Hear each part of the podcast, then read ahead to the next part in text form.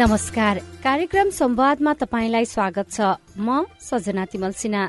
कार्यक्रम संवाद सामुदायिक रेडियो प्रसारक संघ अखोराबद्वारा संचालित सामुदायिक सूचना नेटवर्क सीआईएन मार्फत देशभरि प्रसारणमा रहेका करिब तीन सय सामुदायिक रेडियोबाट सुन्न सकिन्छ। कार्यक्रम संवाद WWW dot CIN Khabar dot कममा इन्टरनेट मार्फत चाहेको बेला विश्वभरि सुन्न सकिन्छ भने मोबाइल एप सीआईएन डाउनलोड गरेर पनि सुन्न सकिन्छ। वर्ल्ड भिजन इन्टरनेशनल नेपालसँगको सहकार्यमा तयार पारिएको यो कार्यक्रम बाल विवाह लगायतका हानिकारक परम्परागत अभ्यासहरूको अन्त्यका लागि भइरहेका प्रयासमा केन्द्रित रहनेछ। आजको कार्यक्रम संवाद धार्मिक सहिष्णुताले समाजमा पार्ने प्रभावको विषयमा केन्द्रित रहनेछ। अहिले तिहार चलिरहेको छ।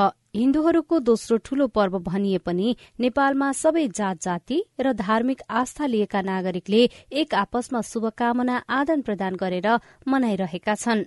तिहार अर्थात दीपावलीको महत्व के छ? सुनौ एकजना अध्यात्म चिन्तक डाक्टर चिन्तामणिनाथ योगीलाई। हजुर यो हाम्रो नेपाली संस्कृतिको विशेषता भनेको प्रकृतिमा संस्कृति संस्कृतिमा प्रकृति इन्टिग्रेटेड भएका छन्। यानि कि प्रकृतिले संस्कृतिलाई बचाउने संस्कृतिले प्रकृतिलाई बचाउने यो हाम्रो अन्योन्याश्रित सम्बन्धमा आधारित छ। अब रह्यो तिहार जसलाई हामी यमा पञ्चक पनि भन्छौँ फाइभ डेज सेलिब्रेसन जुन हो। अब यसको वैज्ञानिक पक्ष छ दार्शनिक पक्ष छ सामाजिक पक्ष छ पारिवारिक पक्ष छ आध्यात्मिक पक्ष छ मनोरञ्जनको पक्ष छ दार्शनिक पौराणिक पक्ष छ। यावत कुरा एउटा सानो फेस्टिभलमा आएर इन्टिग्रेट भएका छन्। यो नै हामीहरूको विशेषता हो। जहाँसम्म वैज्ञानिक पक्षको कुरा गर्नुभयो यसमा त काग पूजा कुकुर पूजा गाई पूजा गोरु पूजा गोवर्धन पूजा लगायत अब इभन तपाईँको दीपावली आदिका जुन प्रसङ्गहरू सबै वैज्ञानिक कुरासँग जोडिएका छन्।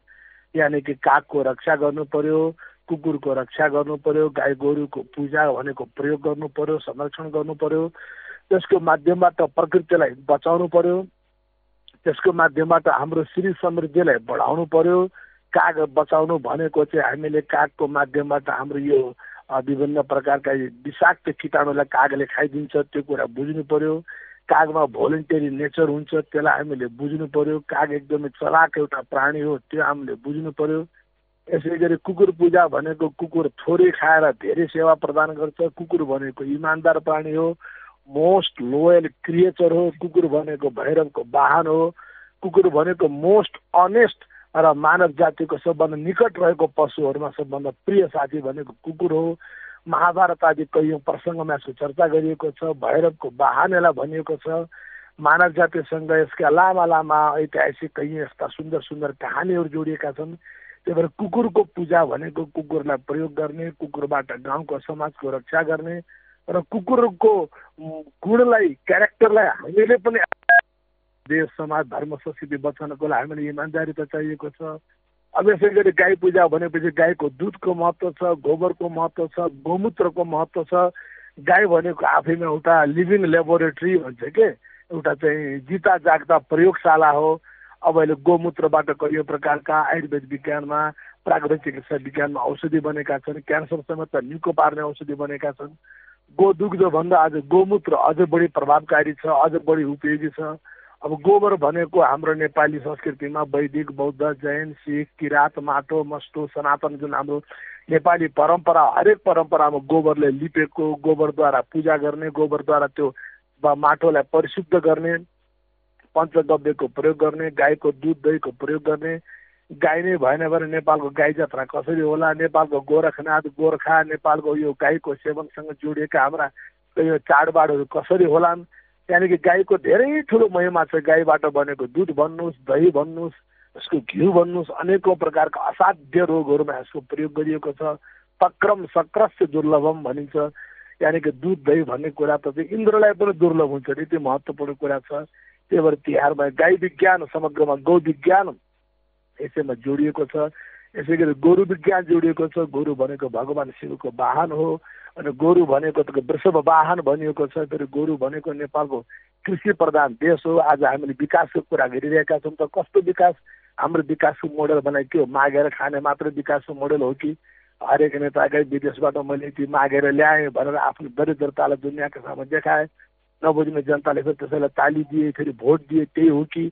अथवा विकास भनेको तपाईँको इन्डिपेन्डेन्ट बन्ने विकास भनेको तपाईँले नेपालको प्राकृतिक संरचनालाई बुझ्ने भौगोलिक संरचनालाई बुझ्ने नेपालको स्वरोजगारलाई बुझ्ने किसानलाई स्वावलम्बी बनाउने त्यो हो कि कृषि प्रधान नेपाल भनेको त्यही हो कि हिमाल पहाड तराईले बनेको नेपालमा गोरुको महिमा कृषिको महिमा हलोको महिमा त्यही हो कि त्यसरी हामीले बुझ्नु पर्यो। एवं एवं गोरु पूजासँगै बिहान गोवर्धन पूजा पनि गरिन्छ। गोवर्धन पर्वतको पूजा अर्थात् पर्वत भन्ने बित्तिकै जलको संरक्षण जङ्गलको संरक्षण जमिनको संरक्षण जन्तुको संरक्षण जनताको सम्मान जडीबुटीको संरक्षण यावत कुरा पर्वतसँग जोडियो। आज विकासको नाममा हामी जथाभावी बुलडोजर गरिरहेका छौँ डोजर आतङ्क चलाइरहेका छौँ। जहाँ पनि बाटो चाहियो जहाँ पनि डोजर चाहियो यी सबै कुराले गर्दा हाम्रो पहाड जुन अनेकौँ प्रकारका रत्नहरूको अनेकौँ प्रकारका सम्पदाहरूको अनेकौँ प्रकारका खानीहरू यहाँ लुकेर बसेका छन् त्यसलाई कसरी बचाउने है भन्ने कुरा पनि गोवर्धन पर्वतको एउटा सन्देश हामीले बुझ्नुपर्छ। यसै गरी तपाईँको अब दिपावली आयो दिपावली पनि घरको सफाइ गर। दिपावली भनेको चाहिँ घिउका दिपकहरू बाल तेलका दीपकहरू बाल। त्यसले प्रकृतिमा समाजमा परिवारमा एउटा एटमोस्फियरमा राम्रो सुगन्ध राम्रो वातावरण एउटा सकारात्मक सोच सकारात्मक ऊर्जाको विकास गर्छ। त्यसै गरी दिपावली भनेको अर्को मानेमा सेल्फ म्यानेजमेन्ट हो। सेल्फ डेभलपमेन्ट हो स्ट्रेस म्यानेजमेन्ट हो इमोसनल रिलिजिङ हो इमोसनल हार्मोनी हो आज सारा विश्वमा अनेक कारणले गर्दा कहिले भूकम्प आयो कहिले कोरोना आयो कहिले युद्ध चलिरहेको छ कहिले कहाँ हिंसा बढिरहेछ कहाँ हत्या भइरहेको छ विश्वमा ठुलो आतङ्क छ। अब विश्वको हिसाबले नेपालमा त्यो कुरा हामीले त्यति भोग्न पनि पाएका छैनौँ भन्नु पऱ्यो हुन त हामीले पनि अब भूकम्प पनि भोग्यौँ डेङ्गु पनि भोग्यौँ कोरोना पनि भोग्यौँ अझै पनि भोगिरहेका छौँ। तथापि विश्वमा जुन किसिमले हिंसा बढिरहेछ अपराध बढिरहेछ आत्महत्या बढिरहेछ depression frustration mental disorder mental एङ्जाइटीका जुन कुरा बढिरहेका छन् त्यो हिसाबले नेपाल अहिले पनि सुन्दर शान्त विशाल छ। नेपाली मान्छे खानाको कमी छ तर खुसीको कमी त छैन। सुत्ने ठाउँको अभाव छ। तर निद्राको अभाव त छैन। घर सानो छ झुप्रो छ मक्किएको छ तर परिवारको भावना त विशाल छ। यो नै नेपालको विशेषता हो। यसै गरी हामी भैलो देउसी खेल्छौँ। भैलो देउसी खेल्ने बेलामा नेपाली सङ्गीतको कुरा आयो नेपाली लोक बाजाको कुरा आयो फेरि युथ इम्पावरमेन्टको कुरा आयो फेरि लेडिज फर्स्ट भन्ने जुन कन्सेप्ट हो यहाँ पनि आयो। पहिले भैलो खेलिन्छ अनि बल्ल अर्को दिन देउसी खेलिन्छ। फेरि भैलो खेल्ने बेला दिदी बहिनी भलो होस् भनेर आशीर्वाद दिन्छन्। दाजुभाइहरू आएर देउसी रे देउ श्री श्री देउ आशीर्वाद देऊ भनेर माग्छन्। दिदी बहिनी जेले पनि दिनेवाला हुन् भने काग पूजा हुन्छ कुकुर पूजा हुन्छ गाई पूजा हुन्छ गोरु पूजा हुन्छ अनि बल्ल लास्टमा गएर भाइ टिका हुन्छ भाइ पूजा हुँदैन। भाइ टिका हुन्छ भनेको यहाँनिर दिदी बहिनीले भाइ टिका आशीर्वाद दिन्छन्। दाईलाई पनि आशीर्वाद दिन्छ त्यही भएर दाई भाइ टिका भने पनि त्यो दाईलाई पनि आशीर्वाद दिनुभएको नाताले भाइ टिका भने टिका लगाएर आशीर्वाद दिन्छ। अब यहाँ नारी सम्मानको कुरा आयो वुमेन इम्पावरमेन्टको कुरा सबै कुरा यो समग्रमा तिहार चाहिँ प्रकृतिका हिसाबले संस्कृतिका हिसाबले समाज सम्वर्धन परिवार सम्वर्धन आत्मचेतना यावत कुराले हाम्रो लोक सङ्गीत लोक नृत्य आदिका हिसाबले अत्यन्तै महत्वपूर्ण चाड हो। तिहारलाई उज्यालो पर्वको रूपमा पनि लिइन्छ। त्यसैले यसले एक आपसमा पनि उज्यालो छर्ने बताउनुहुन्छ विश्व बौद्ध मञ्चका अध्यक्ष भिक्षु आनन्द। यो चाड अथवा पर्व भनेकै एउटा शारीरिक मानसिक शुद्धता व्रत जस्तो बस्ने एउटा अभ्यासमा लाग्ने अभ्यासमा निर्लिप्त हुने प्रक्रिया हो। होइन? त्यसकारण शुद्ध प्रक्रियामा चाहिँ त्यहाँ जातको भेद हुँदैन वर्गको वर्णको लिङ्गको क्षेत्रको र धर्मको भेद हुँदैन। त्यो एउटा नितान्त परिशुद्ध प्रक्रिया हो कि र यो तिहारको सन्दर्भमा त्यसलाई चाहिँ अझ अर्को शब्दमा भन्ने हो भने दिपावली भनिन्छ। यो उज्यालोको उत्सव हो नि त।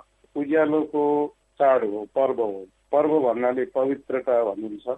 र यो फेस्टिभल अफ लाइफ भनिन्छ। त्यसकारण उज्यालो अथवा चाहिँ प्रकाशलाई कुनै जात धर्म वर्ग लिङ्ग क्षेत्रको कुनै भेद हुँदैन। जस्तो सूर्य उदाउँदाखेरि सूर्यको किरण पृथ्वीमा समान्तर रूपमा बिना भेदभाव सबैलाई एकै नाचले त्यो प्रकाश त्यो किरण चाहिँ दिन्छ। त्यस्तै आध्यात्मिक शुद्धताको जुन प्रक्रिया हो त्यसमा यो दिपावलीले मानिसको वर्षभरिको मनको दुःख पीडा अँध्यारो होइन?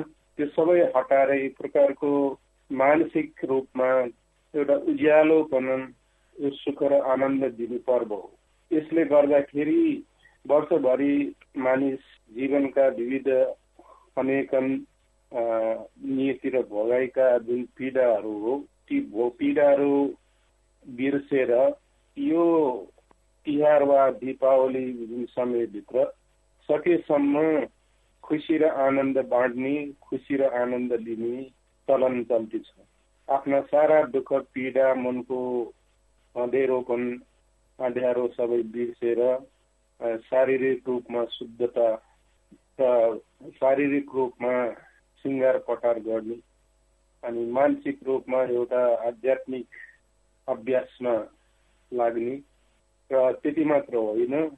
आफ्नो वरिपरि आफ्नो घर आफ्नो पर्यावरण वातावरण पनि झिलिमिली पार्ने चकमन्न पार्ने जसले गर्दा यो सभ्य दृश्य अडियो भिजुअल भनिन्छ सुन्दाखेरि पनि आनन्द लाग्नु किनभने त्यहाँ देउसी भैलोको गीतहरू तिहारको गीतहरू गुन्जिरहेको हुन्छ गाइरहेको हुन्छ नाचगान भइरहेको हुन्छ। चाहे बौद्ध होस् हिन्दू होस् इस्लाम होस् क्रिस्चियन होस् बाहाई होस् जैन होस् सबैलाई सुख चाहिन्छ मानिसले जति पनि खानेकुरादेखि लिएर लुगाफाटादेखि लिएर जुन धर्म कर्म संस्कृति भनिन्छ चाडपर्व मनाउँदाखेरि सबै के को लागि भन्दाखेरि एकछिन भए पनि मनको दुःखको रूपी भारी बिसाएर सुख र आनन्द लिनको लागि नेपालकै कुरा गर्नु पर्दाखेरि धार्मिक सहिष्णुता एक हिसाबले छ। हिन्दू मुस्लिम क्रिस्चियन बुद्धिस्ट सबैजनाले एकअर्काको पर्व मनाउने सँगसँगै मिलेर शुभकामनाहरू आदान प्रदान गर्ने लगायतका छ। यसले चाहिँ समाजलाई एक सूत्रमा बाँध्न कसरी सहयोग पुर्याउँछ? सहिष्णुता भनेकै समाजलाई समाजमा एक प्रकारको एक सूत्रमा बाँड्ने वचन हो शब्द हो। किन जब मानिसको मनबाट तपाईँको मनबाट मानसिक रूपमा विभाजन मेन्टल डिभिजन यो मेरो यो मेरो होइन यो तेरो यो तेरो होइन हामी किन त्यसरी चाहिँ विभाजन गर्ने? यदि सबैलाई चाहिँ सुख आनन्द भाइचारा सहिष्णुता सबैलाई चाहिँ एउटा मेलमिलाप चाहिएको छ भने विभाजनको कुरै आउँदैन। जहाँ विभाजन हुन्छ त्यहाँ मात्रै सहिष्णुता हटेर जान्छ मेलमिलाप हटेर जान्छ। समाजमा दोस्रो नागरिकको विषयमा दोस्रो नागरिक भन्नाले चाहे चाहिँ हिन्दू हुनसक्छ बौद्ध हुनसक्छ अथवा इस्लाम जैन कुनै पनि धर्म धार्मिक मान्छे हुनसक्छ तर त्यसलाई चाहिँ एउटा ह्युमन बिङको रूपमा एउटा नागरिकको रूपमा एउटा मानिसको रूपमा नामानवको रूपमा लिएर हामीले मेरो अस्तित्व मलाई चाहिँ चाहिन्छ। म सुखले बाँच्न चाहन्छु। म चाहिँ अधिकार सम्पन्न भएर बाँच्न चाहन्छु। जुन कुरा मलाई मन पर्दैन त्यही कुरा समाजमा दोस्रो व्यक्तिलाई पनि मन पर्दैन भनेर यसरी चाहिँ हामीले मानसिक रूपमा सद्भाव दोस्रो व्यक्तिप्रति हामीले हाम्रो मनमा उजागर गर्यो भने creating restrictive attitude towards second citizen भनिन्छ टुवर्ड्स अडर अदर्स होइन? समाजमा अरू व्यक्तिहरूप्रति हामीले सद्भावपूर्ण एउटा सम्मानजनक सोच र विचार हामीले मनमा निर्माण गर्न सक्यौँ भने कहिल्यै पनि समाजमा यो भेदभाव र असहिष्णुताको कुरै आउँदैन त्यो प्रश्नै हुँदैन त्यसकारण हामीले बुझ्नुपर्छ के त भन्दाखेरि धर्मको लेभल भन्दा पनि हामी मानिस र हाम्रो मानवीय गुणाङ्ग भनेको के त भन्दाखेरि समान दुःख समान सुख समान शान्ति समान अधिकार यी मानव जीवनमा नभई नहुन् बेसिक जुन गुणहरूको नोम्स र भ्याल्युजहरू हुन् होइन ती नोम्स र भ्याल्युजलाई चाहिँ हामीले बुझ्न सक्यौँ भने सबै धर्मको पर्व चाड उत्सवबाट हामीले चाहिँ आनन्द लिन सक्छौँ त्यो बिना धार्मिक भेद हामीले चाहिँ उत्सव मनाएर चाहिँ सुख र शान्तिले सहिष्णुताले सहजीवनले चाहिँ बाँच्न सकिन्छ र समाज एकदम भनिन्छ। विविधताको युक्त एउटा सुन्दर बगैँचा जस्तो नाना थरीको फुलहरू फुलेको सुवासयुक्त एउटा बगैँचा कति सुन्दर देखिन्छ। त्यस्तै यो हाम्रो समाज पनि बौद्ध हिन्दू इस्लाम अथवा अनेक धार्मिक मानिसहरू एक ठाउँमा सहजीवनले बाँचिरहेको सुन्दर एउटा बगैँचा अनेकतामा एकता भनिन्छ। डाइभर्सिटी इन युनिटी होइन? यो चाहिँ साबित हुन जान्छ त्यसकारण यो तिहार उज्यालोको पर्व हो आलोकको पर्व हो यो प्रकाशको पर्व हो यो हिन्दूहरूको मात्र पर्व होइन। उज्यालो प्रकाश अँध्यारोलाई चाहिँ मेट्ने अँध्यारोलाई चाहिँ हटाइदिने प्रकाश हो। त्यसकारण यहाँनिर हामीले तिहारबाट दीपावलीबाट के आदर्श र सन्देश समाजलाई दिन्छौँ दिन सक्छौँ भने हाम्रो मनका वैमनस्यता भेदभाव विषाक्त भावना छुट अछुटको भावना उच निचको भावना जसले समाजमा आर्थिक रूपमा सामाजिक रूपमा राजनीतिक रूपमा वर्गीय रूपमा राजनीतिक रूपमा जुन भेदभावहरू ल्याइरहेछन् ती सबैलाई हटाएर हामी सबै मानव हौँ।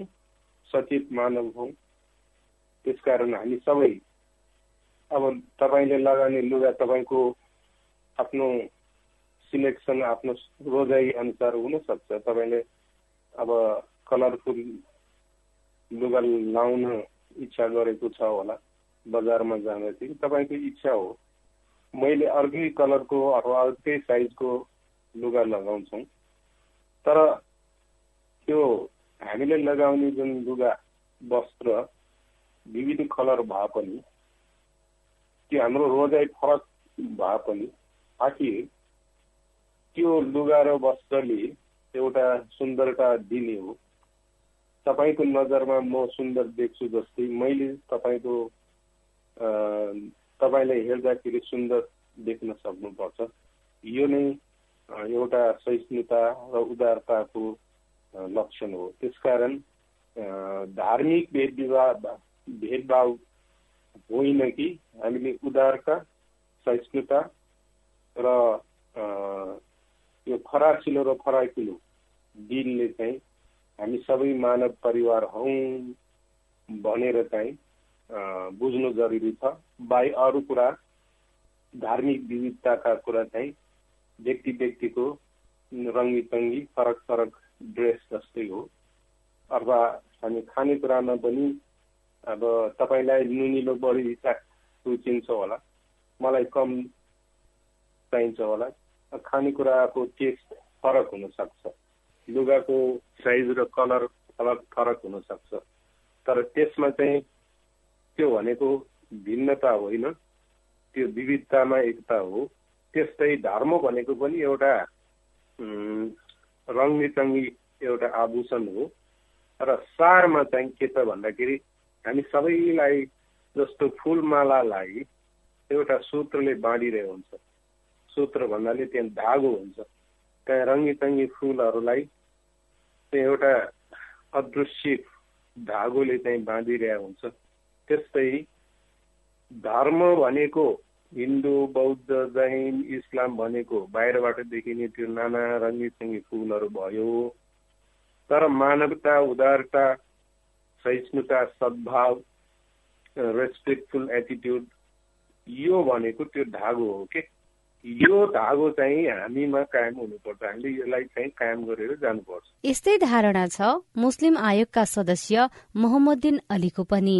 उहाँ एक आपसमा शुभकामना आदान प्रदान गर्दा यसले सामाजिक सद्भाव बढ्ने बताउनुहुन्छ। सर्वप्रथम त हामी सम्पूर्ण नेपालीहरूको महान चाड यो शुभ दीपावली र छठको शुभ अवसरमा सबैलाई मेरो तर्फबाट मुस्लिम आयोगको तर्फबाट मुस्लिम समुदायको तर्फबाट हार्दिक नवमा शुभकामना तपाईँलाई र तपाईँको टिमले समेत। र यो वास्तवमा हामी नेपालका हामी नेपालीहरू हामी धर्म आस्थामा जहाँ सुकै भए तापनि हामी वास्तवमा नेपाली हौ र हामी ले जुनसुकै धर्म मान्यता पनि हामी एक किसिमले एउटा दाजुभाइ नै हौ नेपाल एउटा बहुधार्मिक बहुसांस्कृतिक भएको मुलुक हो या हिन्दू धर्मावलम्बी इस्लाम धर्मावलम्बी बौद्ध धर्मावलम्बी साथै क्रिस्चियन मतलब धर्मावलम्बीहरू पनि रहेका छन् त हामी जुनसुकै धर्मावलम्बी भए तापनि समग्र नेपाल र नेपाली एउटै मालामा गाँसिएर एउटा दाजुभाइको हिसाबले हामी बसिराखेका छौँ। र यो यो शुभ दीपावली पनि चाहिँ यो हामी मुस्लिम समुदायको भएर हाम्रो होइन भन्ने होइन। यो हाम्रा नेपाली दाजुभाइहरूको भएको कारणले यो हाम्रो पनि हो। हामी यसमा चाहिँ आधिकारिक रूपबाट सहभागी नभए तापनि अथवा त्यसरी नमाने तापनि यसमा पनि हाम्रो एउटा ऐक्यबद्धता हुन्छ। हाम्रो यसमा पनि चाहिँ एउटा मतलब शुभकामना आदान प्रदान हुन्छ। र यो यसै गरेर हाम्रो चाडपर्वमा पनि चाहिँ हाम्रा हिन्दू धर्म समुदायका दाजुभाइहरू आउ आउनुहुन्छ शुभकामना दिनुहुन्छ। त्यसै गरेर यो मतलब बुद्ध जयन्तीमा र चाहिँ हाम्रो चाहिँ क्रिस्चियन चाहिँ समुदायको मा, पनि हामी नेपाली दाजुभाइहरू जुनसुकै धर्म समुदायको भए तापनि एक अर्काको चाडपर्वहरूमा आउने जाने सहभागी हुने रमाइलो गर्ने शुभकामना आदान प्रदान गर्ने र चाडपर्व मनाउन यदि कसैलाई अप्ठ्यारो छ कसैलाई सहयोगको आवश्यकता छ भने पनि त्यसमा के कसरी हुन्छ हामी बिचमा चाहिँ एउटा सहयोगको आदान प्रदान गरेर निकै खुसीका साथ हामी नेपालीहरूले मनाउँदै के अरे मनाउँदै आइरहेका छौँ र यो हाम्रो चाहिँ एउटा चाहिँ यो एउटा अन्तर्राष्ट्रिय जगतले पनि थाहा पाउने किसिमको यो हाम्रो एउटा महत्त्वपूर्ण धार्मिक सहिष्णुताको एउटा सम्पत्तिको रूपमा रहेको छ। सुरुमै शुभकामना भनेर पनि भन्नुभयो। अब एक हिसाबले भन्दाखेरि एउटा धर्मले अर्को धर्मलाई शुभकामना दिँदाखेरि चाहिँ कस्तो प्रभाव पर्ने देख्नुहुन्छ तपाईँले? यसमा चाहिँ मलाई एउटा इन्डिभिजुअल रूपबाट पनि कतिको असर चाहिँ हुँदो रहेछ भन्ने चाहिँ म यहाँले भन्न भन्न चाहन्छु।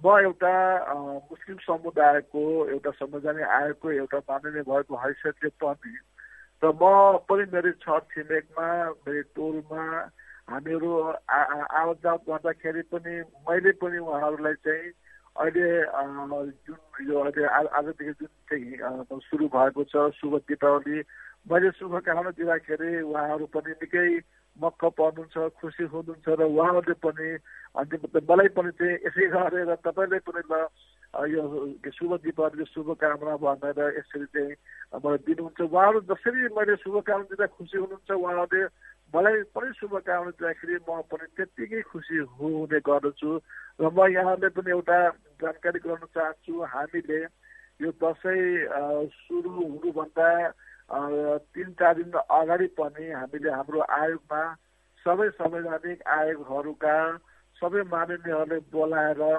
यो शुभ के अरे बडा दसैँ शुभ दीपावली छठ नेपाल सम्बन्धको शुभ अवसरमा हामीले शुभकामना पनि आदान प्रदान गरेका थियौँ र त्यहाँ बडा महत्त्वपूर्ण क्वेसनहरू पनि आएको थियो। आज मुस्लिम समुदायले बडा दसैँ र तिहारको यसरी शुभकामना सबैलाई बोलाएर शुभकामनाको एउटा कार्यक्रम आयोजना गर्यो। अब क्वेसन छ कि भोलि गएर अब अन्य समुदायले मुस्लिम समुदायले मान्ने मुस्लिम समुदायका चाडपर्वहरूको शुभ अवसरमा अब अरूले चाहिँ यसरी शुभकामना आयोजना गर्नुहुन्छ कि त अब त्यो हेर्नु पर्ने बाँकी छ भनेर त्यहाँ सहभागी हुनु भएको भएका अन्य समुदायका साथीहरूले पनि यसरी मतलब क्वेसनहरू चाहिँ उठाउनु भएको थियो। यसको अर्थ चाहिँ के हो भनेपछि यो शुभकामना चाहिँ मुस्लिम आयोगले सुरुवात मतलब पहिलेदेखि गरेको छ अहिले पनि गरेको छ राम्रो र यसमा हामीले पनि गर्नुपर्छ भनेर अन्य समुदायका साथीहरू पनि हौसिनु भएको थियो तम्सिनु भए भएको थियो। र अब यसरी हामी यो हाम्रो परम्परालाई चाहिँ अगाडि बढाउनु चाहिँ पर्छ भन्ने भएको थियो। यसले के देखायो भने जसरी मुस्लिम आयोगले एउटा चाहिँ खुल्ला हृदयले शुभकामनाको आयोजना चाहिँ गर्यो र खुसी भएर र त्यसमा सहभागी भएका अन्य सबै के अरे माननीय सदस्यहरू माननीय अध्यक्षहरूले पनि एउटा खुसीका साथमा चाहिँ शुभकामना लिने र दिने गर्नु चाहिँ भयो यसले गर्दाखेरि वास्तवमा चाहिँ इन्डिभिजुअल रूपबाट पनि संस्थागत रूपबाट पनि निकै प्रभाव पर्ने रहेछ मन प्रफुल्ल हुने रहेछ। निकै खुसी हुने रहेछ र मनमा के निराशाहरू छन् भने ती निराशाहरू सब चाहिँ हटेर जाने रहेछन्। यो एउटा शुभकामना चाहिँ वास्तवमा एउटा मेडिसिन रहेछ यो एउटा औषधि रहेछ र यसले चाहिँ के नजर धार्मिक एउटा चाहिँ धर्म मान्नको लागि चाडपर्व मान्नको लागि लागि एउटा ऊर्जाशीलको काम पनि गर्दो रहेछ भन्ने मलाई चाहिँ महसुस भएको छ। यसरी एकले अर्काको धर्मको सम्मान गर्दाखेरि चाडपर्वमा एकले अर्कालाई शुभकामना दिँदाखेरि कसरी एकताबद्ध छौँ हामी भनेर देखाउँछ। एउटा त हामी नेपालीहरू बिचमा अहिलेसम्म कुनै किसिमको धार्मिक असहिष्णुता रहेको छैन। हामी एक आपसमा दाजुभाइ सराउनै मिलेर बसिराखेका छौँ। र म यहाँलाई जानकारी पनि गर्न चाहन्छु केही समय हामी मुस्लिम समुदायले पढ्ने चाहिँ आफ्ना ईदहरूको शुभ अवसरमा हामीले अन्य धर्म समुदायलाई पनि बोलाउने गर्थ्यौँ। उहाँहरू पनि खुसी साथ आउने गर्नुहुन्थ्यो र हामीले लगाउने गरेको टोपीहरू पनि उहाँहरूले लगाउनुहुन्थ्यो र हाम्रो त्यो शुभकामनामा चाहिँ सहभागी भएर रमाउने मतलब गर्नुहुन्थ्यो र हामी मुस्लिम समुदायलाई पनि अन्य धर्म समुदायका हाम्रा हिन्दू दाजुभाइ दिदीबहिनीहरूले बुद्धिस्ट दाजुभाइ दिदीबहिनीहरूले पनि विभिन्न चाडपर्वहरूमा बोलाउने गर्नुहुन्छ र त्यहाँ पनि हामी चाहिँ जाने गर्छौँ र शुभकामना आदान प्रदान हामी चाहिँ गर्ने गर्छौँ। र यो हाम्रो अहिले चाहिँ सुरुवात भएको होइन। यो हाम्रो कालदेखि नै नेपालीहरू बिचमा चाहिँ एउटा धार्मिक सहिष्णुता र धार्मिक आस्था जसको जहाँ जेसुकै भए तापनि सम्मान गर्ने मान मर्यादा गर्ने यो परम्परा रहँदै आएको छ अहिले पनि छ र यो यो भविष्यमा पनि रहन रहनेछ भन्ने मलाई चाहिँ लागेको छ र यो यसलाई हामीले बरकरार रूपबाट राख्नुपर्छ। यो सँगै कार्यक्रम संवादको समय सकिने लागेको छ। आजको विषयवस्तु तपाईँलाई कस्तो लाग्यो? बाल विवाह लगायतका हानिकारक परम्परागत अभ्यासहरूको अन्त्यका लागि तपाईँको केही अनुभव पो छन् कि? हाम्रो टेलिफोन नम्बर शून्य एक बान्न साठी छ चार छमा फोन गरेर दिइएको निर्देशन अनुसार आफ्नो अनुभव सल्लाह सुझाव जिज्ञासा एवं प्रतिक्रिया रेकर्ड गर्न सक्नुहुनेछ। साथै तपाईँले हामीलाई हाम्रो Facebook page community information network सीआईएनमा गएर पनि आफ्ना कुरा लेख्न सक्नुहुनेछ। हामी तपाईँको प्रतिक्रिया पर्खिरहनेछौ। वर्ल्ड भिजन इन्टरनेशनल नेपालसँगको सहकार्यमा सीआईएनले तयार पारेको कार्यक्रम संवादबाट प्राविधिक साथी सुनिल राज भारतसँगै सजना तिमल सिना विदा हुन्छु। नमस्कार।